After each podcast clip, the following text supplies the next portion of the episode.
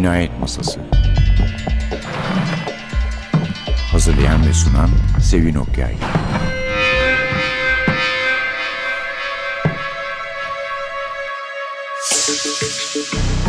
Merhaba, NTV Radyo'nun Cinayet Masası programına hoş geldiniz. Efendim bu hafta gene Erol Bey ile birlikteyiz. Gene Beyoğlu Sahaf Fuarı'nın ürünleriyle, meyveleriyle birlikteyiz. Bu sefer daha da ender bulunan bir şey değil mi Erol Beyciğim? Evet, Orhan evet. Çakıroğlu. Evet. Efendim Orhan Çakıroğlu tabii çok şanslısın. Orhan Çakıroğlu öyküleri 31 tanedir. Ben bunları 10 yahut 15 yılda tamamlayabildim 31 tanesini. Sen pat diye iki ciltte gayet güzel ciltlenmiş iki ciltte tamamını bir arada bulmuşsun. Çok şanslısın. Onu bir kere vurgulayayım. Orhan Maşallah. Çakıroğlu öyküleri e, çok ilginç öyküler. 1940'lı yıllarda yayınlanmıştır. Dönemin önemli e, yayıncısı Semih Lütfi Kitap yayın evi, evinden, evet, Suhulet evi. kitap evinden çıkmıştır. Bunun için polis romanları serisi diye bir yeni seri kurmuştur. Dediğim gibi 31 öyküdür. Bunlar novella denmemiz lazım. Çünkü 50-60 sayfalık şeylerdir. Yani uzun öykü formatından daha üstün Daha e, uzun, şeydir. evet. Kitaplar okuyucu katında büyük rağbet görmüştür. İki kere basılmışlardır. Kapaklarının o zamanın en iyi kapak ressamı Münif Bey'im Ya çizmiştir. birlikteyim Çok da çok güzeldir ve e, daha da bir baktım, değer kattı sanki senin- ha, kitapların Hayır içinde. senin kapaklı bazı cilt yaparken kapakları koparırlar. Sende koparılmamış. O da büyük şans. Yani kitap merakları için çok önemli. Çünkü e, Anladığım kitap kapakları kalın özenli olunca bir sahaf. Heh, yani e, bunları herhalde. yaptıran ve Evet. satan arkadaşımız. Evet çünkü kapakları koparırlar fazla kalınlık yapar kapak kalın diye. Katliam kitap sevenler için o kitap kapakları çok güzel şeyler çünkü. Efendim Mithat Akdoğan diye zat. e, MA diye bazen Ha, şey yapıyor değil mi? bazen MA diye, bazen MA. İlk 10 kitapta falan inisiyal kullanmıştır MA diye. Sonra Mithat Akdoğan diye. Kimdir bu zat bilemiyorum. Çok araştırdım. Başka hiçbir kitabı yok. Allah Yani şeye neydi? girdim, Milli Kütüphane'ye girdim internet sitesinden. E, Mithat Akdoğan yazdım. Yalnız bunlar çıktı. Başka bir kitabı yok. Müstehar ad mıdır? Gerçek adı mıdır? Onu da bilmiyorum. E, Hikayesi de ilginç olmalı. Yani Evet. bunları yazdıktan sonra ne yaptı acaba? ha, hiç bilmiyorum. Müstehar ad olması ihtimali de yüksek gibi görüyorum. Evet. Ama kim olduğu hakkında bir bilgi bulamadım. Epey uğraştım onu söyleyeyim. Bulamadım. İlk kitap 1941-42'de çıkıyor kitaplar. Ondan sonra da 44 yılında ikinci baskıları yapılıyor. Demek ki tutuluyor. Şimdiki gibi teknik olanaklar gelişmiş değil. Şimdi bin tane kitap basabiliyorsunuz. Ama o zaman çinko kalıplar var. Yani öyle bin kitap basmak çinko kalıp masrafı kurtarması. En az 5000 tane yapılması Ha, lazım çok çok incelememe basılıyor, göre. evet. Demek bu iki baskı yaptığına göre bayağı demek ki 5000 baskı hemen satmış. Arkadan da e, yeni baskı yapılmış. E, ilginç bir kahraman Orhan Çakaroğlu. Orhan Çakaroğlu Bir defa yazan... mütemadiyen kendini metheden bir kahraman. Evet, evet. Şimdi Orhan Çakıroğlu bir kere çok ulusalcı bir kahraman. Çok ulusal. Milliyetçi. Çok milliyetçi. Yazan yazar da e, o zamanki modaya uygun olarak çok öztürkçe. Adamın ismi Baş Alaman. Ay, Ama çok komik onlar ya. Ha, e, Onların ve bazılarını- yardımcıları Yar Alaman diye ben geçiyor onların kitapta. böyle kelimelerin kullanıldığına da inanmıyorum. Ha, şimdi Çünkü mesela ben 42'liyim yani. Ben Evet. hiç duymadımsa kim duydu bunları? ya şimdi ofis yerine çalışak diyor. Telefon yerine kitapta dinlemeç sözcüğü kullanılıyor. Misafir yerine çağrık. Yardımcı yerine eldeş gibi böyle. Bugün kullanılmayan pek çok şey kullanılıyor. Yani Ben onun şey e, yazar bugün de yazar sanıyorum. o, o günün modası olan Öztürkçe kelimeleri çok kullanmış. Şimdi Orhan Çakıroğlu'nu anlatalım. Orhan Çakıroğlu 1902 doğumlu kitaptaki şeye göre. E, Elazığlı. Elazığ'ın meşhur zenginlerinden ve beylerinden Dursun Çakıroğlu ağanın oğlu. 1920'de Ankara Erkek Lisesi'ni bitiriyor. Milli mücadeleye katılıyor. Türk ordusu adına casusluk yapıyor. Çok başarılı ve Gazi Hazretleri de kendisini takdirle karşılıyor. Ve 1923 yılında İtalya'ya tahsile gönderiyorlar. Roma Hukuk Fakültesini birincilikle bitiriyor. Akrobasiyi de orada mı öğreniyor? Anlatacağım. Roma Hukuk Fakültesini birincilikle bitiriyor. Ve fakat yalnız e, eğitim yapmıyor. 23'ten 29'a kadar 6 sene kalıyor. İki meşgalesi daha var. Teyyareciliğe çok meraklı. Motor, elektrik ve teyyarecilik tahsili yapıyor hukuk tahsili yanında. Ayrıca çok sevdiği bir şey arkadaşı var. Signor Francesco. İtalyan arkadaşı var. Bu Signor Francesco İtalya'nın en büyük şirkinin sahibinin oğlu. Oraya bu şirke gidiyor orada da cambazlık öğreniyor. sonradan maceralarında kullanıyor. kullanıyor. This.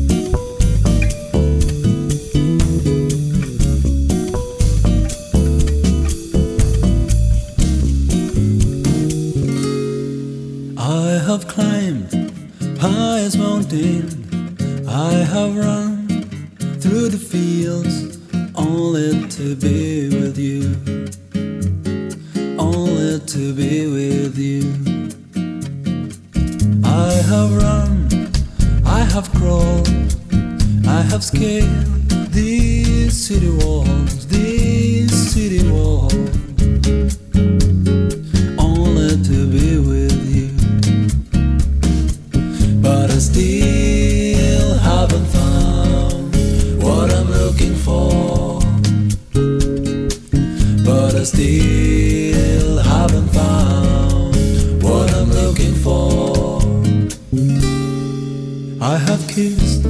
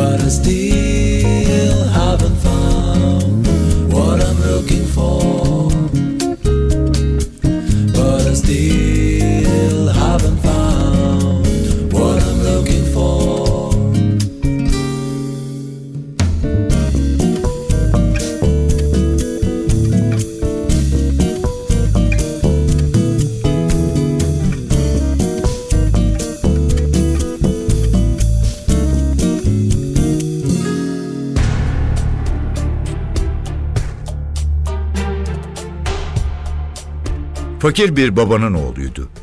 Bugün çalışmasıyla sayılı zenginler arasına girdi. Kıyafetlerimizi değiştirmeyecek miyiz? Hayır Parser. Ben İskoçyalı, sen de bu Bulgar köylüsü kılığıyla Eroğlu'nu karşılayacağız. Böylece başarımız hakkında da kendimize bir numara vermiş olacağız. Bu esnada kapı açıldı. İçeriye 30-35 yaşlarında esmer, yakışıklı ve taylan biri girdi. Odanın içinde bir göz gezdirdikten sonra İskoçyalı ile Bulgar köylüsünü selamladı ve şaşkın şaşkın yakınında bulunan kanepeye oturdu. Tekrar iki yabancıyı süzdü. İskoçyalı İngilizce kimi arıyorsunuz diye sordu. İngilizce bilmeyen Cevat Eroğlu gülümseyerek Türkçesiyle İngilizce bilmediğini anlatmaya çalıştı. Fransızca konuşmayı teklif etti. Bu sefer de İskoçyalı başını sallayarak hayır hayır diyordu. Bunun üzerine Çakıroğlu bir kahkaha attı. Sonra yerinden kalkarak mimara doğru yürüdü. Yanındaki kanepeye yerleşerek sınıf arkadaşını bu kadar da mı çabuk unuttun Cevat diye sordu. Daha iki üç hafta önce trende birlikte değil miydik? Hay tanrı canını almasın Çakıroğlu. Bu ne kılık? İyi ama ben seni bu kıyafette nasıl tanırdım? Sen ne yaman adam oldun be? Sonra aramanın kendisine uzattığı ele sarıldı. Onu hararetle sıkarak Elazığ'da burnunu silmekten aciz Orhan'ın böyle akıl ermedik işler başaracağını kim düşünürdü dedi. Bununla birlikte kasabada ağaçlara tırmanmakta sana yetişiri yoktu ya.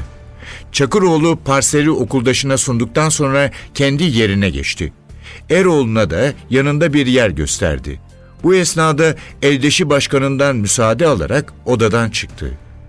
Başaraman misafirine bir cigara ikram etti ve beni sevdiğini, hiç unutmadığını iyi bilirim.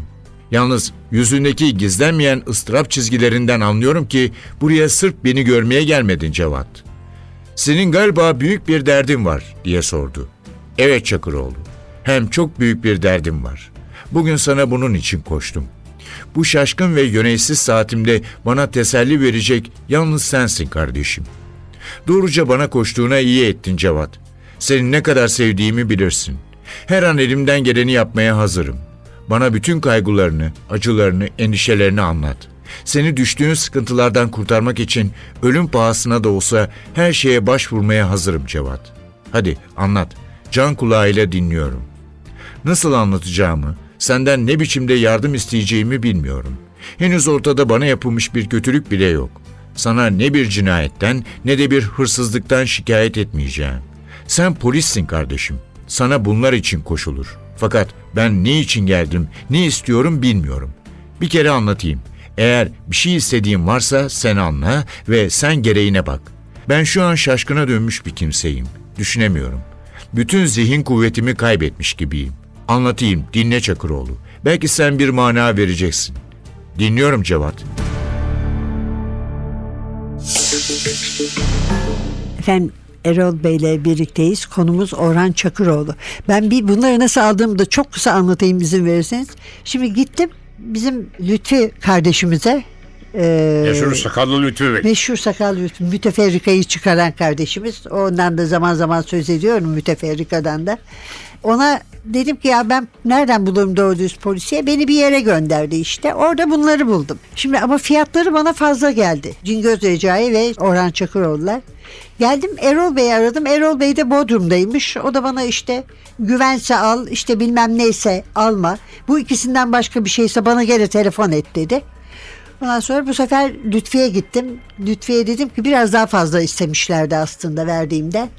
Lütfi konuştu falan telefonla. O da bir miktar daha İndirtti. indirdi. Sonra bana da dedi ki abla değer dedi yani. Al dedi bulamazsın dedi. O sırada Ergun hiç Yılmaz masamıza uğramıştı. Ben Ergun'a sordum. Ergun bana cevaben 10 tane kadar kendisinde bulunan yerli maykamber getirdi. Bunlar da bende var al istersen diye. Onları da aldık yani bu arada. İyi yapmışsın. İyi yaptım, iyi güzel oldu. Sonunda işte anlaştık ve aldık. Yani ne kadar şanslı olduğumu da sonra Erol Bey'le Yani konuşunca o- anladım. Bu fiyat bana sorarsanız çok ucuz bir fiyat. Yani sizin sahafta kitabın kıymetini bilmiyormuştur. Yani birbirimizi de tanımıyorduk. Hani böyle yani mesela söyleyeyim de çocuk olsa e, yani tam e, kıymetini bilen bir sahafa rastlasaydım bu fiyata vermezdi. Sevim. Onu da vermez söyleyeyim. Evet. Onu da söyleyeyim. Bu da benim şansımmış. Şanssız şanssız ama kıymetini bilecek birine gitmesi kitap sever olarak beni mutlu etti. Orhan Çakaroğlu'ndan devam edelim mi? Tabii tabii canım. Efendim Konumuz Orhan zaten. anlatmıştım İtalya'ya gitti diye ve bu arada Orhan Çakıroğlu bir de otomobil yarışına girer İtalya'da ve birinci olur orada da yani böyle nitelikleri var. Türkiye'ye gelir avukatlık yapacak fakat çok haksever bir insan. Avukat olarak vekilliğini aldığı insanın haklı olduğunu anlamak ister. Onun için kıyafet değiştirir, araştırmalar falan yapar derken zengin de paraya da ihtiyacı yok. Hükümete müracaat eder. Ben bilabedel aramanlık yapmak istiyorum yani dedektiflik. Hükümet de çok mutlu olur bunun şeyinden ve A- Ankara'da Yenişehir'de kendi ofisini kendi tutar. Hükümet de buna cin gibi polislerden dört tane yardımcı verir. Bunların da şeye verilen ünvan baş aramandır. Yardımcıların da şeysi yar aramandır. Yar o zamanlar yardımcıdan e, gelen isimlerini de okuyalım. Turgut Tansu, Mehmet Parsel ve Kartal Alman. Bunlar da bunun yardımcılarıdır. Ve normal polis teşkilatının çözemediği olayları Orhan Çakıroğlu'na getirirler, o çözer. Ankara'da oturmasına rağmen genellikle olaylar büyük kısmı İstanbul'da İstanbul'da geçer geçiyor, ama evet. Bursa'da da, İzmir'de de ve şeyde de Trabzon'da geçen olayları da vardır. Yurt dışında da başında maceralar geçer. Mesela Beyrut polis müdürü başaramadığı bir için bizim emniyete başvurur. Emniyette Orhan Çakıroğlu'nu oraya gönderir. Beyrut polis müdürü o zaman Fransa'nın e, şeysi altında Beyrut. Monsieur Lamartin rica eder. E, çok esrarengiz olaylar olmaktadır Beyrut'ta. Bizim e, Orhan Çakıroğlu gider halleder onları. Eyvallah. Yahut Almanya'dan dönerken Prag'da trenden iner acayip bir olaylarla karşılaşır. Bu sefer Prag Emniyet Müdürü yardım rica eder. Bütün Avrupa'da şöhreti duyulmuştur Orhan Çakıroğlu'nun. Orada da olayı halleder. Ee, demin- Hatay'dan okuması çok keyifli. Evet, vurguladım mı bilmiyorum. Ulusalcı karakterdedir. E, Türklüğüne çok yani. övünür. İleri derecede milliyetçi. Milliyetçidir ve bütün kötü adamlar Türk değildir. Bütün iyi adamlar Türktür. Kötü adamlar ya Ermenidir, ya Rum'dur, ya Arap'tır, ya Arnavut'tur. O şekilde onları gösterir. Yahut karışık insanlardır. Sonra Türk gibi gösterir fakat Türk olmadığı ortaya çıkar. Ama şunu söyleyebilirim. Hiçbir zaman Cingöz Ricai'nin seviyesinde eserler değildir. Olaylar Zaten dil de öyle. öyle. Fakat olaylar ilk başta çok ilginç başlar. Çok polis romanı okumuş muhakkak yazar. Çok ilginç bir şekilde başlar. Fakat sonlanmaları o baştaki ilginçlik kadar enteresan değildir. Yani beklemediğiniz şekilde çok basit şekilde sonuçlanır olayda. O bakımdan ortak sınıf e, romanlardır diye söyleyebiliriz. Fakat dediğim gibi e, 1940'lı yıllarda çok tutulmuştur. Üst üste İşte baskılar harp zamanı yapmıştır. falan o milliyetçilik o zaman daha tabii, bir şey İkinci geldi Dünya tabii. Savaşı'nın şeyleri var. Tabii, Milliyetçi hisler e, artmış. Şunu da saptadım Sevin. En son kitaplarının bir arkasında çıkacak Orhan Çakıroğlu öyküleri denip 60'a kadar.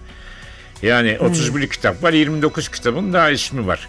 E, ben kitap manyağıyım biliyorsun. Çok uğraştım bu. Çıkmış fakat çıkmadığına eminim. Çünkü çok uğraştım. Hiçbirini bulamadım. Yani her hafta bir tane çıkacak şekilde ilan verilmiş. Ben en son saptadığım 31. kitap. 31. kitaptan sonra bulamadım. Yani diğer isimleri yayınlanacak denen şeyleri bulamadım. Ee, Anglo-Saksonların Dime Novels dediği benim 10 paralık öyküler diye çevirdiğim kitaplar türünden kitaplardır ama zamanında çok okunmuşlardır. Ve Türk polisi edebiyat tarihinde yeri E, olan Hayli de şeylerdir. uzunlar yani bir hikayeye göre onun için Evet. bayağı meşgul ediyorlar insanı. Tabii tabii şimdi bile okursanız keyif alırsınız, Tabii, rahatlarsınız canım. Yani Ama bir bulmak de zor e, tabii, evet. toplumsal o yani 1940'lı yılların havasını almak bakımından da e, çok ilginç Zaten e, bu dönem şey kitapların verebilir. hepsi öyle bence. Öyle, yani ha. basbayağı Yani güzel romanları, dönem romanları Evet, ha. yani. popüler romanları okuduğunuz zaman o dönemleri anlamak, e, o dönemlerin kıymet hükümlerini çıkarmak çok kolay oluyor. Evet, Belgesel gibi yani. evet. Bunlar da öyle. Öyle evet.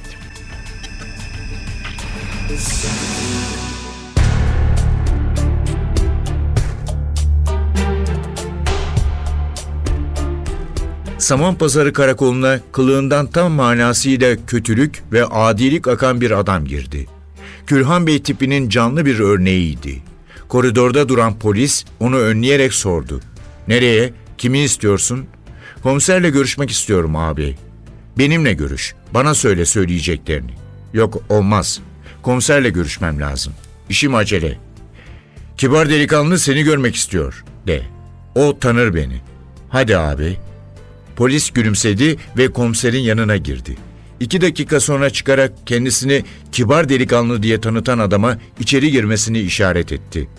Komiser odaya giren adamı baştan aşağı süzerek ''Buyur bakalım eski dost'' dedi ve onun kılığına bakmadan oturması için bir iskemle gösterdi.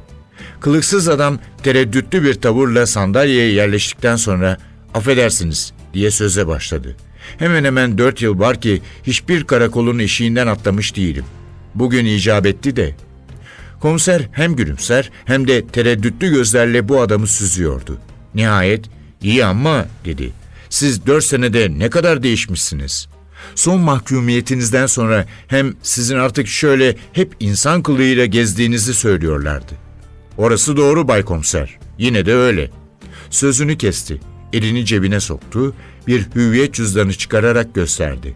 Komiser ona bir göz attıktan sonra ''Cidden şahane ve başarılı bir kıyafete girmişsin Bay Bay Kartal.'' diye hayret ve takdirini gizleyemedi.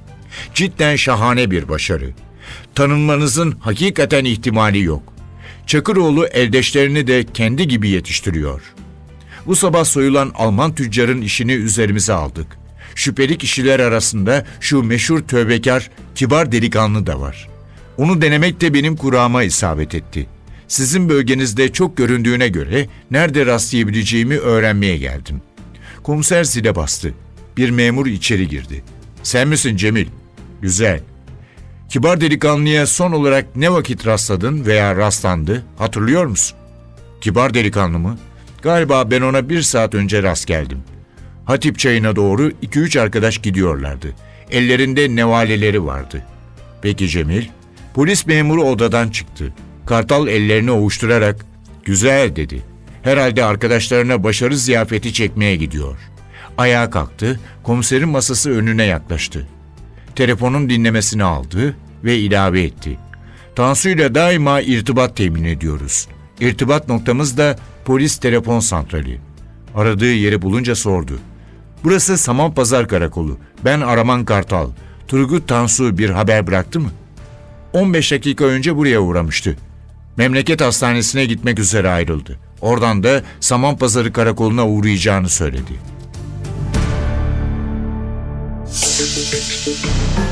Evet efendim devam ediyoruz. Erol Üye Pazarcı hatırlı konuğumuz. Estağfurullah. Orhan Çakıroğlu'ndan da bu hafta tanıştık evet. Efendim Orhan Çakıroğlu benim tanımam da çok ilginç oldu. Benim o bir sahafların tabiriyle Tuğla gibi iki cilt kitabım var ya Korkmayınız Mr. Sherlock Holmes diye. Orada eski şeyleri araştırırken bunları bulmak tabii zor. Yani olduklarını bulmak bir kere enteresan. Çabayı gerektiriyor. Ne yapayım? O zamanlar yaşıyor galiba. 100 yaşına falan bastı Sayın Türker Hacıoğlu. O zaman Milli Kütüphane'de görevli ve bütün çıkan kitapları Milli Kütüphane'ye getirtiyor ve Türkiye bibliografları her yıl yayınlıyor. Yani çıkan bütün kitaplar orada Evet, yazılıyor. evet, O- evet, onları ben teker teker taradım. 41 yılda geldiğim zaman bu, bu isimlere rastladım. Ah. Semih Lütfü'nün polis romanları serisi, Murat Çakıroğlu'nun serüvenleri işte şu bu bu isimler. Allah bir hazine bulduk. E, ama ondan sonra kitapları bulmak şeyine geldi. Ee, Listeleri buldunuz. ya, listeleri bulduk, çıkardık. Arıyoruz biz. Bütün sahaflara haber verdik. Sami Bey'i tanırsın sen Kadıköy'de. Rahmetli Tabii oldu. tabii Ha. tabii. 4-5 tane ondan çıktı. Ondan sonra diğer sahaf arkadaşlara aman ne olur bana bunu elinize geçerse de benden haber satarsanız sizi oyarım. Amiyane tabirinde. Hatırımı sayarlar sağ olsunlar. Ve o şekilde ama dediğim gibi sen çok şanslısın. Ben bunu 10-12 yılda tamamlayabildim 31 kitabı. Ve keyifle Belki şimdi okudum. e, yani ilgi duyuluyor diye çıkartıyorlardır. Ee, Ortaya çıkıyordu saklandığı, durduğu, atıldığı yerler varsa Aha, bilmiyorum tabii yani zaten öyle e, sahaflar bana öyle dediler. Abi eskiden Osmanlıca polisiye romanları özellikle kimse almıyordu. Kimse bakmıyordu. Evet. Sen merak sardıktan sonra iki üç tane daha adam çıktı. Yani biz eskiden 3 liraya 5 liraya satardı. Senin sayende şimdi 30-40 liraya satıyoruz diye bana benim şey yaptığım aman vermez hamleler falan servet oldu şimdi. O da 10 kitaptan bir araya gelmiştir. Onun da satış fiyatları şimdi 1000 liraya 1200 liraya falan satıyorlar. On, onluk bir lotu. Ya. Ee, yani es- eskiden ben onları öyle almıştım ama dediğim gibi kitap meraklısı olursanız ve bunları toplamaya çalışırsanız bir süre sonra başka adamlar da ulan bu adam bunu topluyor. Bir şey mi var diye onlar da meraklanmaya başlıyorlar. Şeyden merkez yayıncılıktan ne çıkmıştı gene sizin ön Ee, sözünüzle? şimdi bir de evet bir de Palko Yayıncılık diye yeni bir kurum Ha. var. O da dördüncü baskısını yaptı bizim şeyler. Ve şeyden takip ediyorum tükendi. Yani aman vermez hamleler Cingöz Recai'lere göre mesela bir karat daha düşük öykülerdir. Eğer Cingöz Recai'ler, Cingöz Recai konuşmasında size anlatmıştım. Aman vermez hamlede yaptığımız gibi periyodik yani e, historik süreye göre, kronolojik süreye göre basılsa büyük bir rağbet göreceğini tahmin ediyorum. Çok daha nitelikli öykülerdir. Hatta Orhan Çakıroğulları bile basılsa pekala keyifle okunabilir. Özellikle 1940'lı yılları araştırmak isteyen, o zamanki kıymet hükümlerini e, öğrenmek isteyenler, o zamanki polis teşkilatını öğrenmek isteyenler için bir belge niteliğinde Şeydir değil mi? Onlar da sahih yani aslında uygundur. Hani polis teşkilatı Tabii nasıl tabii tabii. Onlar hep uygun. İçişleri Bakanlığı Teşkilatı uygun vesaire. İşte burada e, yazar Orhan Çakıroğlu'na resmi polistir aslında fakat maaş almaz. Yani onursal olarak yapar çünkü Elazığlı Dursun Ağa'nın oğludur, zengindir. Paraya ihtiyacı yoktur. Sırf ulusal duygularını ve kötü adamları yok etmek için e, şey yapar ama e, emniyet teşkilatı büyük saygı gösterirler Orhan Çakıroğlu'na. Çünkü e, lisan bilen bir adamdır. İcab halinde yabancı casuslar falan da işe karışır. Onlarla da mücadele eder. Bilmem ne yapar. Yabancı gazeteleri okuyabilir. Bilmem ne yapar. Yani nitelikleri çok güzel araba kullanır. Çok güzel dayak atar insanlara. O bakımdan üstün nitelikleri olan bir kişi olarak hizmet eder Türk emniyetine. Şey olarak da Orhan Çakıroğlu hikayeleri tek kahramanın çeşitli öykülerinden, seri kahramanlı öykülerde Cingöz Recai'den sonra aşağı yukarı ikinci e, kahramandır Türk polisiye edebiyatında. Yani bir kahramanın onlarca 15'ler 20 tane hikayesinin yazıldığı bir başka şeyi hatırlamıyorum ben. 30'lu yıllarda bazı e, kahramanlar yaratılmıştır ama iki hikaye, üç hikaye de kalmıştır. Ama böyle uzun süreli hikayeleri yayınlanan... Ki çok da kahraman vardı. Ama Efendim? çok, Çok, da kahraman, var. Fakat yani. e, şeyde o 1923-28 arasında inanılmaz e, on paralık öykü kahramanları yaratılmıştır. Çok Kadınlar da var. Kadınlar da var. Mesela Cingöz Recai bahsinde söz edemedik. Tilki Leman var. Çekirge Zehra var. Server Vedi'nin yarattığı. Bunlar da çok ilginç kahramanlardır. İkisi de kadın kahramandır. Fransa'da falan tahsil görmüşlerdir ve İstanbul'u kavururlar. Herkesi sayar soğana çevirirler. Öyle kahramanlar da vardır. Efendim işte kan dökmez Remzi vardır. Pire Necmi vardır. Falan böyle isimler de çok hoş olan çeşitli kahramanlar söz konusu. Türk polisi edebiyatında. golden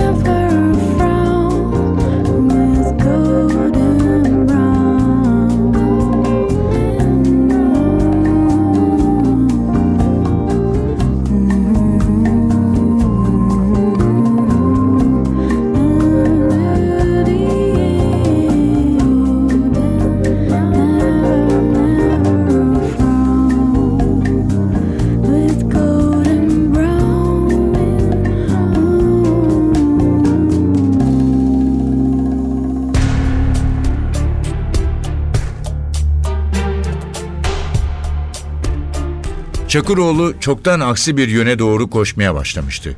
Bütün gözler hayretle onu takip ediyordu. Kaptan köşküne doğru atıldı, pencereleri baş döndürücü bir mahirlikle tırmanmaya koyuldu. Bir iki dakikada en üst kata ulaşmış bulunuyordu. Merdivenleri tırmanan hırsız zaman zaman duruyor ve kaptan köşkünün katlarına tırmanan aramanı şaşkınlıkla seyrediyordu. Kendisinden uzakta bu adam ne arıyor, ne yapmak istiyordu? Çakıroğlu tasarladığı noktaya gelince durdu. Bir an önüne bakarak bir şeyler hesapladı. Sonra aşağıda biriken kalabalığın haykırıları içinde kendisini derin boşluğa bırakıverdi. Halk korku ve çığlıklarla aramanın düşeceği yerden kaçışmaya başladı. Fakat iş böyle olmadı. Çakıroğlu bu düşme esnasında vinç direğinin tel haladına cambazcasına sarılmıştı. Sarılmasıyla bu tel üzerinde elleriyle tutuna tutuna ilerlemeye başlaması bir oldu. Elverişli bir noktada vinç direğini kucakladı ve bunun üzerinde ayağa kalktı. Tekrar hayretleyici bir ustalıkla üst vincin sarkan çekme aladına atıldı. Sonra ayağıyla direğe vura vura gecenin korkunç karanlığı ve baş döndürücü bu boşluk içinde salıncaktaymış gibi korkutucu bir raks yapmaya başladı. Hırsız korku ve hayretler arasında bir tırmanıyor, bir onu seyrediyordu. Birdenbire çok büyük bir rakısla aramanın direğin üst kısmını vapurun gövdesine bağlayan tel gergiye sarılı verdiğini gördü. Bu anda merdivendeki hırsızla son tele sarılan aramanın güverteden yükseklikleri hemen hemen aynıydı. Çekmecenin bulunduğu yere de nihayet 10 metrelik bir mesafe kalmıştı. Aşağıdan yüzlerce ağızdan Çakıroğlu bağrıları duyuluyordu. Artık bir tırmanma yarışı başlamıştı. Araman cambaz gibi kalın bir telden tırmanırken hırsız ip merdivenden çıkıyordu. Fakat döktüğü kan onun mesafe kazanmasına imkan vermiyordu. Bu yarış coşkun haykırılar içinde bitmek üzereydi. Ne yazık ki bu noktaya ele geçmez William daha önce ulaşmıştı. Bir kere çekmeceye sarıldı mı denize atılmak bir mesele değildi. Hızla elini çekmeceye uzattı fakat tutamadı. Çünkü Çakıroğlu'nun anında ateşlenen tabancasından çıkan mermi bu eli deli vermişti. Hırsız kolunu küfürle karışık bir inleme ile çekti. Aramanın ulaşmasına birkaç metre kaldığını görünce tekrar son bir kudret sarf etti. Yaralı eliyle merdivene sarılarak diğer eliyle çekmeceye atıldı. Fakat bu elde diğer bir mermiyle anında delini verdi. Soyucu bu sefer boğuk bir inilti bıraktı. Kanlı yaralı elleriyle merdivene sarıldı. İki metre kadar bir mesafe kaldığını ve aramanın eline düşeceğini anlayınca kavuşmadığı çekmeceye ardından da Çakıroğlu'na kin dolu son bir bakış fırlattıktan sonra kendini boşluğa doğru bırakıverdi. Güvertede tekrar haykırılı bir panik başladı ve ele geçmez William şiddetle düşerek direğin dibinde serili kaldı. Beyni paramparça olmuştu. Bu esnada da bizim Çakıroğlu baş döndürücü yükseklikten kolunda çekmece olduğu halde hırsızın tırmandığı ip merdivenden aşağı iniyordu.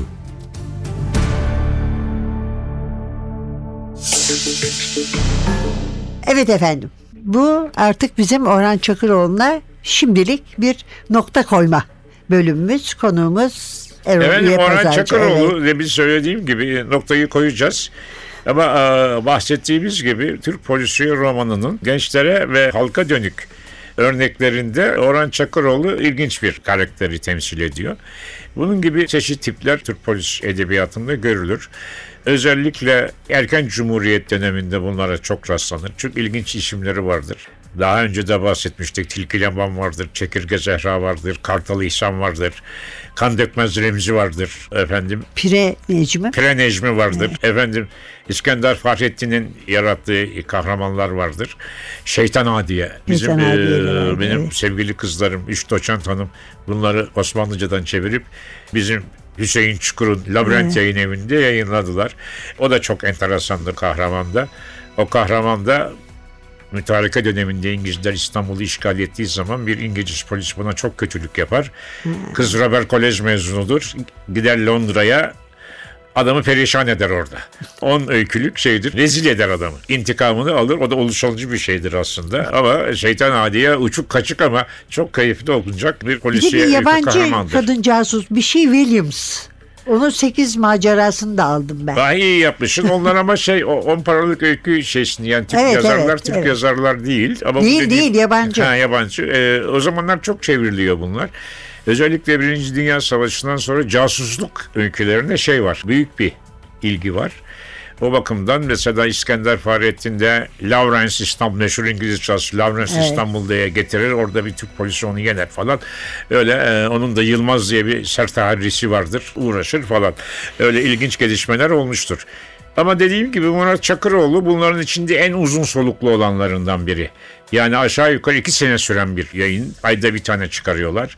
31 sayı çıkıyor. Yani 31 ay dediğiniz zaman da yani iki seneyi aşan bir süre Evet, evet. sürekli olarak yayınlanıyor. Yani uzun soluklu bir şey ama ne yazık ki demin de söylediğim gibi e, yazarını bir türlü e, saptama olanağını bulamadık. Yazık. Yazık hakikaten yani. Ee, İnsan merak e, ediyor. şeyde ama bu olay şeyde de var. Osmanlı zamanından beri polisiye roman yazarlarının hayatını yakalayabilmek çok zor.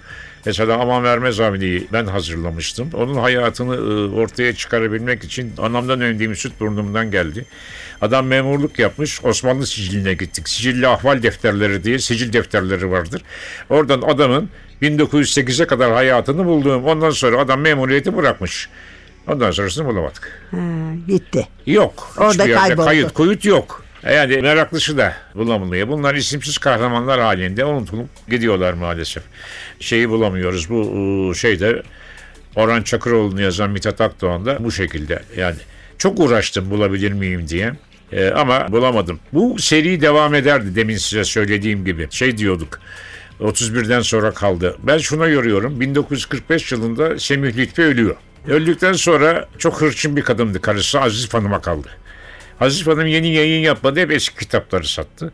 Baba Halide inerken sol tarafta Remzi'yi falan geçtikten sonra Evet, sol evet, tarafta biliyorum. Semih Lütfi yayın evi vardı. Hala ben orada sirkecide çalışırken hala vardı. Heh, Şimdi onu da anlatayım okuyucularımız biraz neşelensinler. Bu Aziz Hanım çok hırçın bir kadın. Ben de kitap meraklısıyım dedim ya eski e, Semih Lütfi'nin bastığı eski kitapları arıyorum. Gidiyorum. Mesela e, İbrahim Sevengil'in İstanbul Nasıl Eğleniyor diye Osmanlıca çıkmış bir kitabı Semih Lütfi basmış. Ya bu kitap var mı? Vardır ama aşağıdadır. E, ben inemem seni de indirmem. Böyle bir enteresan. Yani şey fakat Aziz Hanım ölünce çocukları o dükkanı satmak istediler. Dükkan sahibi de orayı e, ne yapacaksa e, kırtasiyeci mi yapacaktı yahut başka bu kitapları atın buradan dedi. Ve etrafa şey yapılmış. Kim alırsa alsın kitapları. Ben o sırada Adapazarı Vagon Fabrikası'ndaydım. Haberim olsa atlar gelirdim. Tüh. Ve o kitaplar efendim bizim rahmetli Sami Bey, sahip Sami Bey dahi kamyonları dayamışlar. Yükleyip yükleyip orada o şeyde Aziz Hanım'ın sokmadığı yerde bütün kitaplar dağıtılmış. Bizim Nedret'i tanırsın Sahaf Nedret'i. Nedret de Evet. ilk kitaplarını oradan derlemiş, toparlamış. Ama biz o yağmadan faydalanamadık Sevinciğim. Öyle bir şeyim de vardır. Yani çok ilginç kitaplar çıkmıştı. Ee, Necdet de oradan oradan mesela ilk demek. bir zaman yapılmamış. Tam bir baki divanı vardı. Sonra deve yükünle para verip aldım. Onlar orada o zaman sebil gibi duruyormuş. Ve e, işi bilenler gelmişler. Yeni sahibi kitapları ben ne yapacağım kitapları alan alsın dediği için yağmalanmış gitmiş. Biz o yağmadan hiç yararlanamadık. Yazık olmuş. Evet böylece Semih Lütfü'nün de nasıl sona erdiğini tam anlamıyla Öğrendik. öğrenmiş olduk. Evet efendim Orhan Çakıroğlu'ydu konumuz bugün. Konuğumuz da Erol Üye Pazarcı. Çok teşekkür ederiz Erol Bey. Selam efendim size sohbet etmek benim için de büyük bir keyif.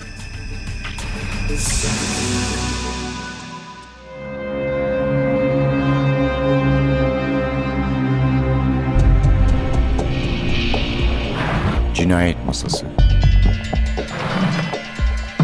Hazırlayan ve sunan Sevin Okyay